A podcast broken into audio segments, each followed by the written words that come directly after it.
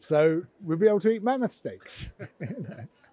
Apparently, it's a very rich, gamey taste. You sound like a sound science fiction author nowadays. You know, where, where climate breakdown is concerned, there are only two things you need to do leave fossil fuels in the ground and stop livestock farming. If you do that, you've solved 95, 96% of the problem. Everything else is details. You've actually solved the problem.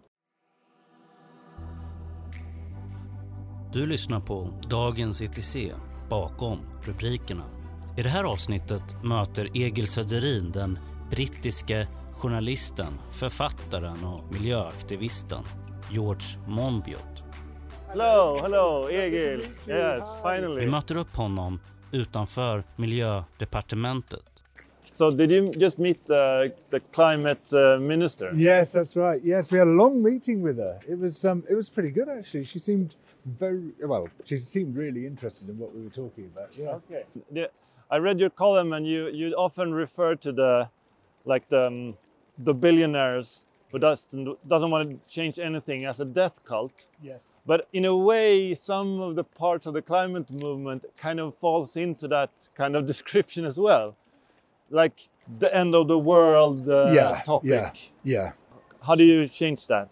Well, I mean, we do we do have to be aware of how bad it could get if we don't take the necessary action. You know, and we and we mustn't pretend to anyone that that this isn't a very very dangerous situation. Uh-huh. I mean, it is. It's you know, if we have um, uh, if we hit those environmental tipping points, we could see a domino effect with Earth systems going down one after another, and then we have a similar situation to the Permo-Triassic mass extinction 250 million years ago, when 90% of species became extinct, and anything bigger than about that was wiped out. Yeah. Um, and and so we have to be aware of what we're trying to avoid, but at the same time say this is avoidable. We don't have to go there, and there's lots of ways of avoiding that that fate, and and so there is a balance to be struck there. You know, we we, we need to understand the worst, but without saying we're committed to the worst, because it's not a commitment, not yet at any rate. I, do, I don't want to spoil the, the, the, the mood here, but um, we have to talk about the COP27, and you, yeah. t- you know, you and many others talking about this great failure. But I mean, how bad is it? it couldn't be much worse. I mean, it, it's it. They have achieved nothing in 27 meetings. I mean, so we've had 27 meetings. 26 and a half of them have been total failures. There was a half success of Paris in in 2015. Now, normally when you do the same thing again and again and expect different results, people call that madness. Um, and this is what that is. It, it's it's they, they didn't intend to change the system. Um, if they had, they would have sorted it out at COP1. There wouldn't have been COPs 2 to 27. They wouldn't have been necessary. And so if you look at the Montreal Protocol and ozone depleting substances, all done in one meeting, bang. All the big issues dealt with, and then all the rest was details after that. So they just are keeping us talking. They do not want this change. They, you know, because if they were significantly to change um, the, the system to prevent climate breakdown, they would have to confront the people whom they owe their power to the media barons, the, um, the banks, the hedge funds, the fossil fuel companies who funded their election campaigns, the, um, the people who would give them a very hard time if they changed, changed those policies. So, you know, they have a choice. They can either protect the living planet and all life on Earth, or they can protect their sponsors. And they go with the sponsors. So I don't know if you heard the news, but Greta Thunberg, as you're, you're meeting later on today, she, she sued the state with 600 other young, young Swedes. Do you think that's a good way forward? Yeah. So we have to use every tool we've got legal tools, political tools, social tools, uh, ev- every possible means of approaching. And civil disobedience is a crucial part of this. But there's no contradiction between confronting the state with civil disobedience and also using state instruments um, to, to try to change st- state decision making. You know, it's, it's just wherever there is a tool, we should be using that tool. But you have an Extinction Rebellion button here on your sleeve. Yeah, yeah. Uh, they have been kind of criticized for blocking transport uh, places and they glue themselves to different objects and the, some uh, parts of the green movement is throwing soup at famous paintings uh, how does it what what does that sort of tactics actually change do you think well the first thing is we have to ensure that people are talking about these issues we have to bring them into the front and center of people's minds and disruptive actions make that happen. Now, you know, you can argue about whether this action is more appropriate than that action, and certainly, you know, some are likely to be more effective than others. But you know, primarily, we have to be talking about it, and they certainly make people talk about it. Um, there's a very long history of people who um, take disruptive civil action um, in order to promote change, being vilified and demonized by society, and then a generation later becoming heroes. You know, if you think of how the civil rights campaigners, Martin Luther King and others, were, were seen at the time, almost everybody hated them. And now, Martin Luther King is one of the greatest heroes of American history. Same with the suffragettes uh, pursuing votes for women. Same with the anti apartheid campaigners. Same with the independence campaigners. um, we see again and again people being um, demonized by the media, hated by most citizens, but then being vindicated by history. Here in Sweden, for example, we have uh, this huge outrage from parts of the right, and we also have the far right who is actually supporting the, the, the government the, with the minister you just talked to. And they have this new, uh, very aggressive stand towards climate uh, issues and to, especially towards the radical parts of the climate movement. Uh, how do you, do you see the same repression, same debate in this in Britain? We have exactly the same. So we've had these um, two recent bills through Parliament. One is now turned into an act of law, the Police Act, which has redefined serious disruption to include noise. So if you make a noise at a protest, that is now classified as serious disruption. And now we have the new public order bill, which um, can impose massive penalties for anyone causing serious disruption, meaning noise. And they include if you have attended any protest in the previous five years where serious disruption, i.e., noise, has occurred, or if you have encouraged any such process, protest in the last five years, you can have an electronic tag fitted surveillance equipment put in your home, put on conditions about where you can go and who you can meet, have to report to a police station whenever the police demand it, all the things which a dangerous criminal um, who's been released on parole, uh, released on parole would, would have to do. That kind of sounds, sounds of uh, starting of a police state, basically. It is exactly what's happening. Yeah, we, we are very rapidly turning into a police state in, in, in the United Kingdom. It's terrifying. Har du pengar på banken? ETC Sol investerar dina pengar i solceller, det vill säga framtiden. 2500 personer har sparat pengar och får nu 2 ränta. Vill du vara med? Läs mer om hur du sparar på etcsol.se. So with all this going on, you decided to stick your head in a hole. so I want to go back to the, the part, the, the book and the, the soil issue. And whenever I hear about, you know, deforestation or, you know, cutting down huge part of, of the Swedish wildlife, you know, I, I, I lose my temper and I get really annoyed. But when it comes to soil, I feel nothing. Why do you think that is? It's interesting, isn't it? That I think that most people would feel the same way. We we've disparaged it throughout our, our history. You know, it's it's dirt, it's filth, it's mud, it's disgusting, it's full of disgusting things, and yet this is the ecosystem from which we receive 99% of our calories. None of this would exist without the soil. We wouldn't be here. I wouldn't be talking to you.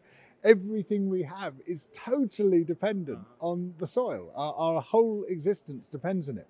And it turns out that the, all the wonders of soil, which you can't see with the naked eye, you know, you need a microscope to see. When, when you look at all those wonders, it is amongst the most diverse and abundant of all ecosystems. It's up there with rainforests, with coral reefs. Uh-huh. But, and like a coral reef, it's a biological structure. It's constructed by the creatures that, that live in it. If it weren't for the life forms, there would be no soil. If it were just a mass of stuff, which we assumed it was, it would just sweep away with the first wind, the first rain that came along. But because it's structured in this very tight and, and amazing architectural way, it's got great structural resilience. It's, so it's built by the creatures that live there. And what they do, they use, um, if you start at a bacterial level, they turn the carbon in the soil into cement and they stick the little mineral particles together uh, with that carbon um, to make homes for themselves, little sort of capsules in which they live, which have almost magical properties. They use air dry soil. It's still 98% humidity inside those capsules. And then the little tiny um, uh, microarthropods, the little scuttling creatures in the soil, they build their homes out of the homes of the bacteria. And then the worms and the ants, the giants of the soil, they build their homes out of the homes of little scuttling creatures. And it's fractally scaled. It's got the same structure at any level of magnification. And that gives it this amazing strength and resilience.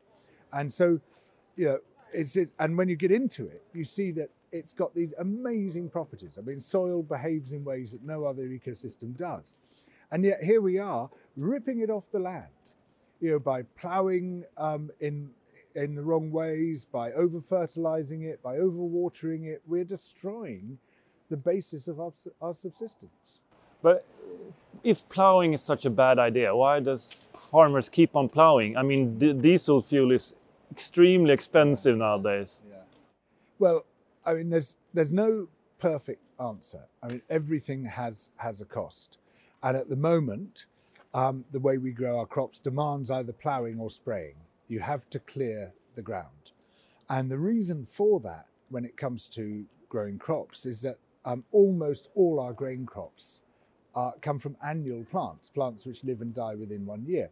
Now, in nature, large areas covered by annual plants are quite rare and they're the result of an ecological disaster, such as a volcanic eruption or a fire or a landslide, because they colonize the bare ground. And that's what annual plants do. They, they very quickly reproduce, they spread as fast as possible, occupy the ground for a year or two, and then the perennial plants, the long lasting ones, come in and smother them and take up the ground again.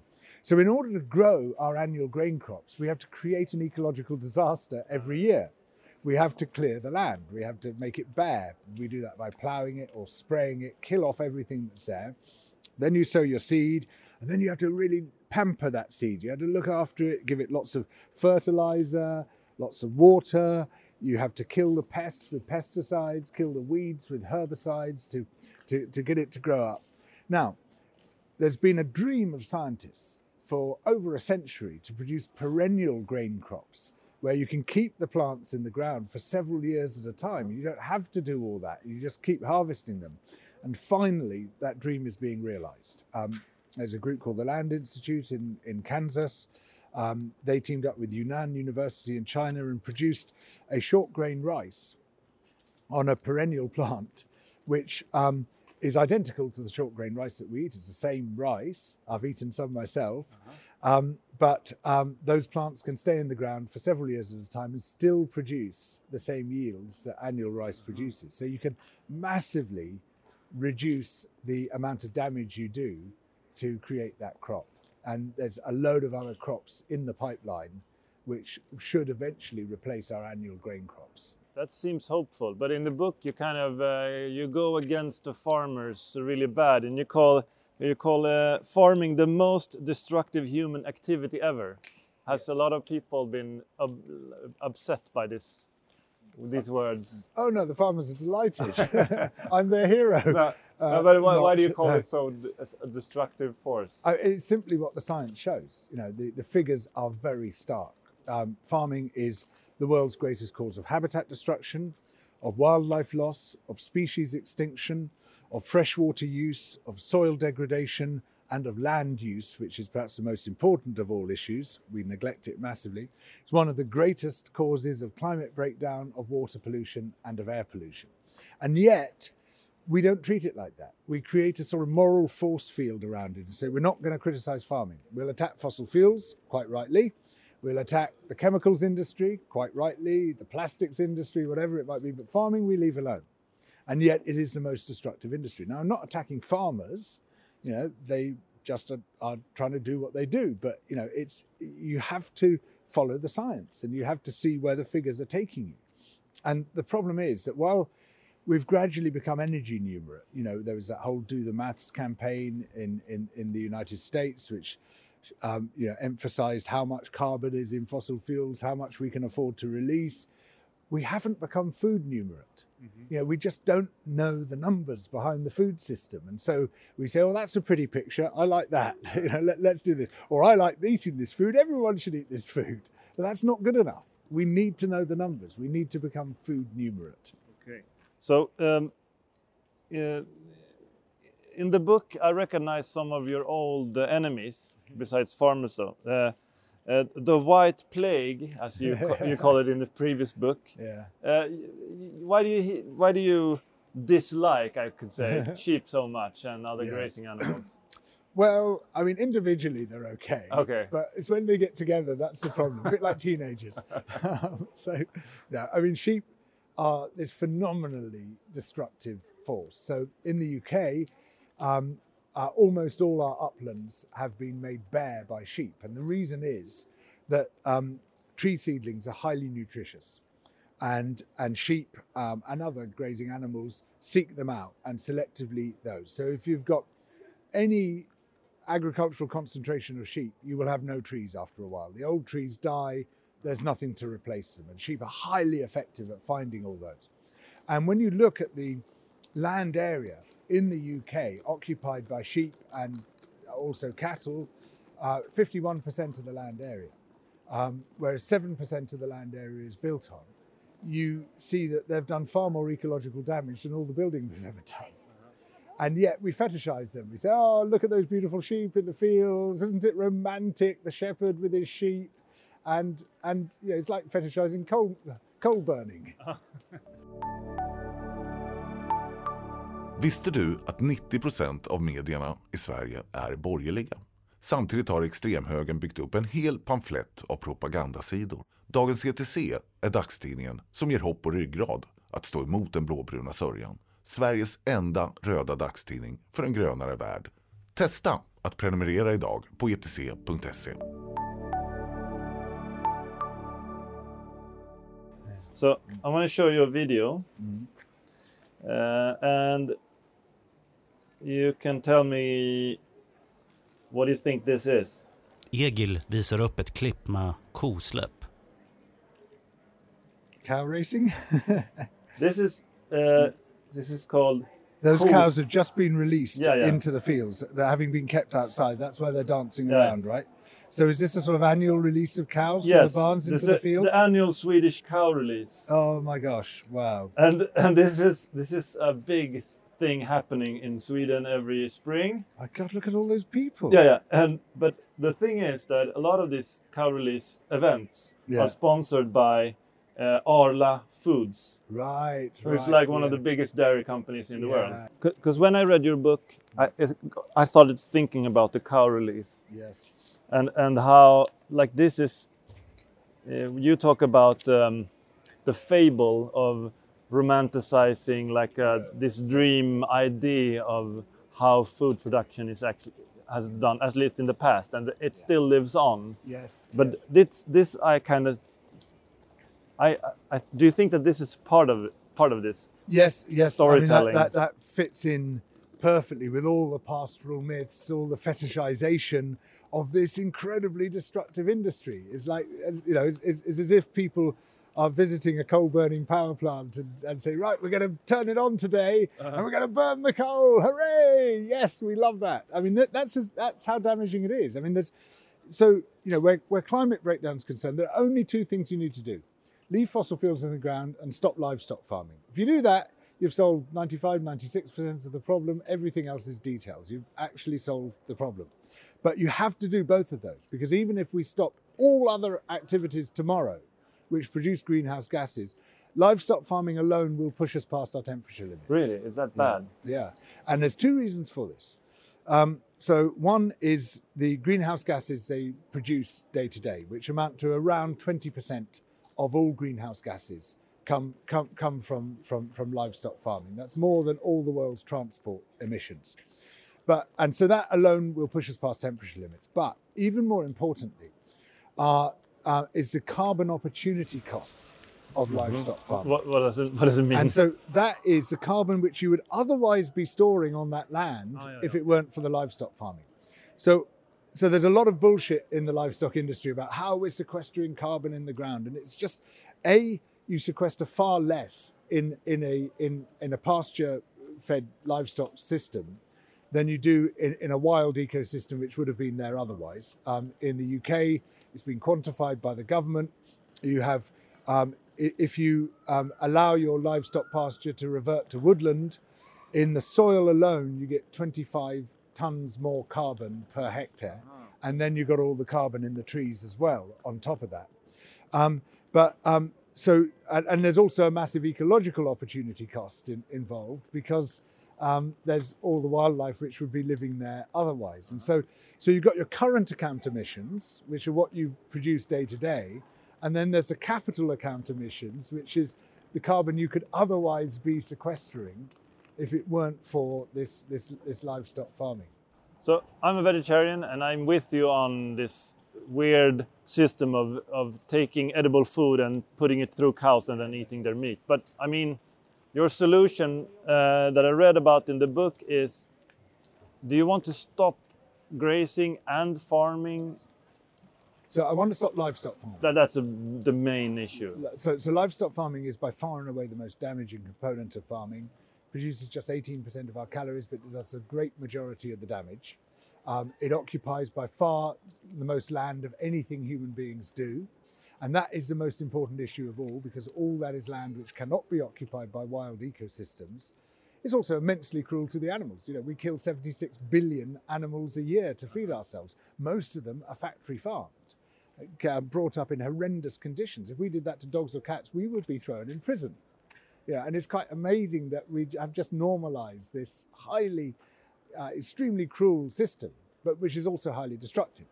And That maybe that's why they, they sponsor the cow release. Exactly. Yes, that, that's right. Because because they make it all seem sweet. It's all sort of cozy, and and also yeah, we're putting them out in the fields. Isn't that kind to the cows? Yeah. Where were they before? Yeah, Yeah. Before you put them in the fields. they're running around Yeah. because they've been trapped. I know. Well, uh, that's why I could tell straight away it was a cow release because they were dancing. They were sort of throwing their hindquarters up and saying, "Whoa, we're outside."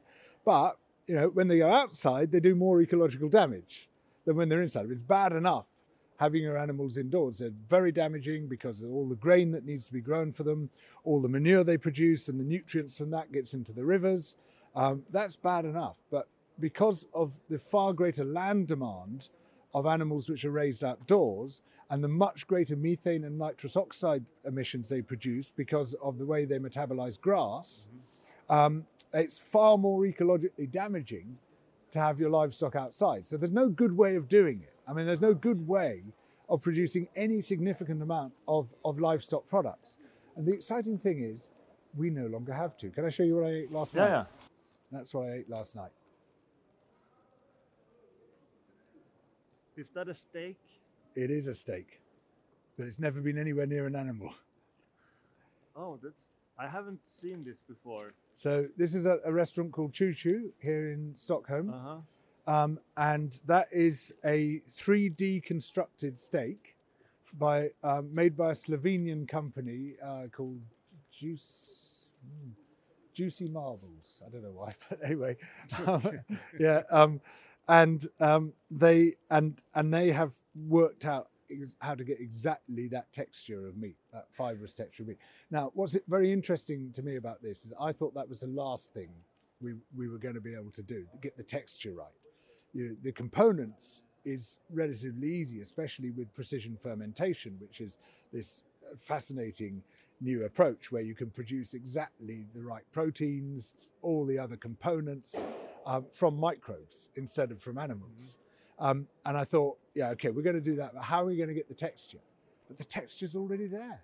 I mean, it, it was just like a steak. This is the extraordinary thing. It had that texture without any of the really complex um, routes that we thought we would have to take with like um, cell cultured meat grown in a bioreactor. You just don't need that. But they print it out, or They effectively printed. I mean, they're, it's they're not saying they're not letting on exactly how they do it, and apparently they don't want you to call it 3D printed, but uh, 3D constructed. okay. So uh, it, it- maybe it's a slightly different method to printing. I'm not sure, but anyway, it's all made of plants. I mean, everything in that steak is plant. Now, um, that's a difficult way to do it because plant proteins aren't all that well um, uh, suited to being turned into animal substitutes. Um, they are they have low concentrations in the plant. They're um, um, they've got a lot of strong flavors associated with them. But if you're producing microbial proteins and microbial fats, you can tailor them precisely to uh, the same, ex- exactly the same proteins, the same fats that animals produce. And then it's much, much easier. You need far fewer ingredients, much less processing. You basically can just make it straight, straight off the bench effectively. Okay, so the most important question: How did it taste, the steak? It, it, it tasted a bit more like pork than like beef, uh-huh. but it tasted like meat. I mean, that was the. In fact, it's quite disturbing for me as a vegan. So, oh, I'm not sure I'm totally comfortable with eating this. Maybe it's just a this is hoax. really well, exactly. I mean, it was like, can this really be true? Uh-huh.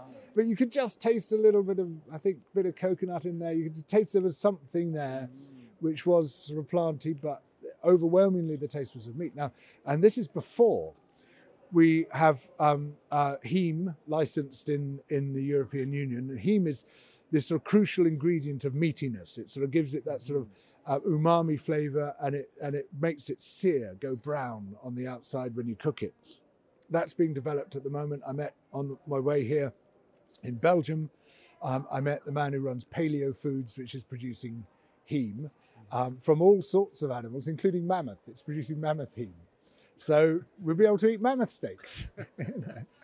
Apparently, it's a very rich, gamey taste. You sound like a sound science fiction author nowadays. Yeah, I mean, I mean, it feels like that. It really does. It's quite disorienting, you know. It's like, whoa. But this is, I mean, so I I think precision fermentation is the most important environmental technology ever developed because it has this incredible transformative eff- um, impact where you can radically reduce greenhouse gas emissions, radically reduce land use, and therefore allow a mass rewilding of land.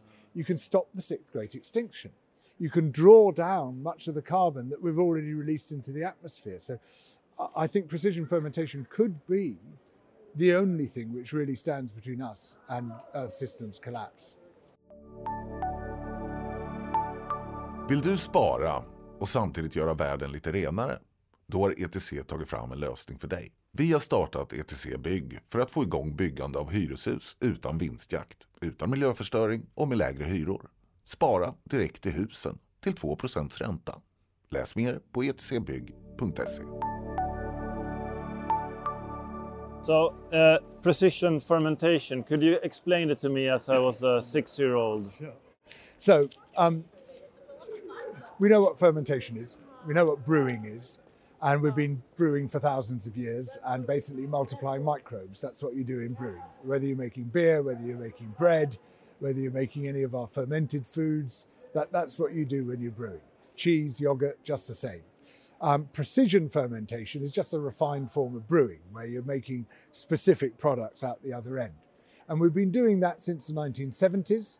Um, since 1978, we've been producing insulin that way. It used to be mashed up pigs' pancreases, um, but now nearly all the insulin produced comes from um, yeast or bacteria in, in precision fermentation, um, just fancy brewing. Um, uh, if you eat cheese, um, nearly all the cheese you eat will have um, chymosin in, which is a substitute for rennet that we used to get out of the fourth stomach of an unweaned Ah, calf. yeah, ah, yeah, yeah. Um, but now, Löp, I um, think it's called in Swedish. right, right, okay. And since the 1980s, we've been getting it from precision fermentation. But now, um, the idea is to multiply microbes to produce proteins and fats, which can replace entire foods. So can replace meat, can replace dairy, can replace eggs. So, but if we start producing all our food in big tanks, the you know the the conspiracy theorist in me thinks, okay, that's just a concentration of all the food and all the money and all the power in just very small, uh, secluded areas, and the, the, companies that own the technology will have all the money and all the power. Isn't that a problem? You can grow food anywhere. Yeah, there's a genuine risk there. So the first thing to say is that the food system is already highly concentrated. On one estimate, four corporations control 90% of the global grain trade. This is an extremely dangerous situation. And the same applies right across in meat, in dairy. You know, you talked about Arla before. You know, you've got these massive companies um, through which most of, of this trade goes. Most of the products pass through. It's very, very dangerous. So we have to stop that, whether it's in the old food economy or the new food economy. We have to break up the big corporations. Antitrust laws should be strong, intellectual property laws should be weak regardless of which aspect of, of, the food system you're in. That should be the case. Or any commercial sector. You know, why is Amazon allowed to get so big? It's just outrageous. It should be broken up. And, and, and, and the same applies to these big food corporations. Now, in principle, you could have a totally different basis um, for these new foods. I mean, after all, many of them are developed with public money in public universities. Yeah, and then the corporations come along and say, "Oh, we're having that." You know, well, why? Why do we let them do that? You know, these are political choices. You, know, you could have a, a highly capitalized food system or a highly socialized food system. You know, just like you have energy cooperatives and community broadband. There's no reason why you can't uh, do this as, as community companies, as, as, as a distributed forms of production. And this is why you know, I, I call for open source te- technology, or at the very least, the weakest possible patents, and no patents ever on life. No patents on molecules, no patents on genes, no patents on life forms. Um, now, that's a political fight, and it's a political fight we should be having everywhere and all the time. When are we going to to get all our food from big tanks? when is it well, coming? Okay, first of all, it's not going to be all our food, okay. not by a long ch- chalk. We still had to produce grain, yeah, and we'll still be eating bread and pasta and all the other things we get from grain. And we still had to produce fruit and vegetables. In fact, we should be eating more fruit and vegetables. What I'm talking about are the protein rich and fat rich foods that we get either from livestock or from crops like oil palm, coconut, which can be themselves very damaging. Um, and so it's those ones that, and, and soy indeed it's, it's those ones that, that, that we're intending to, to, to replace that, well, uh, I'm hoping will be replaced. And, and that's where precision fermentation comes in. And it's ready. I mean, you know, there's companies which have applied for regulatory approval in the European Union.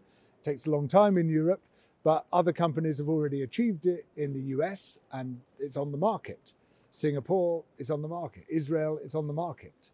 But we, um, in Europe, it takes longer because of the regulatory barriers. It's not, not because of any um, um, constraint about producing um, the, the, these new products. You know, I, I, feel that we have to have a positive environmentalism because otherwise, you know, the, the standard the standard call by environmentalists is follow us and the world will be slightly less rubbish than it would otherwise have been, yeah, which yeah. isn't very inspiring.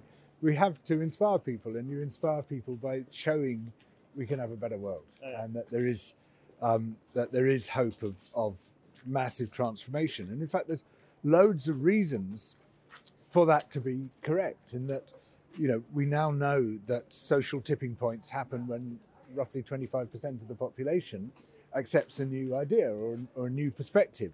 So you don't have to persuade everyone. You don't you don't have to do this impossible thing of persuading your fascist brother-in-law that it's uh, that, that, that, you're right and he's wrong. Uh-huh. And that's never going to happen, but it doesn't need to happen.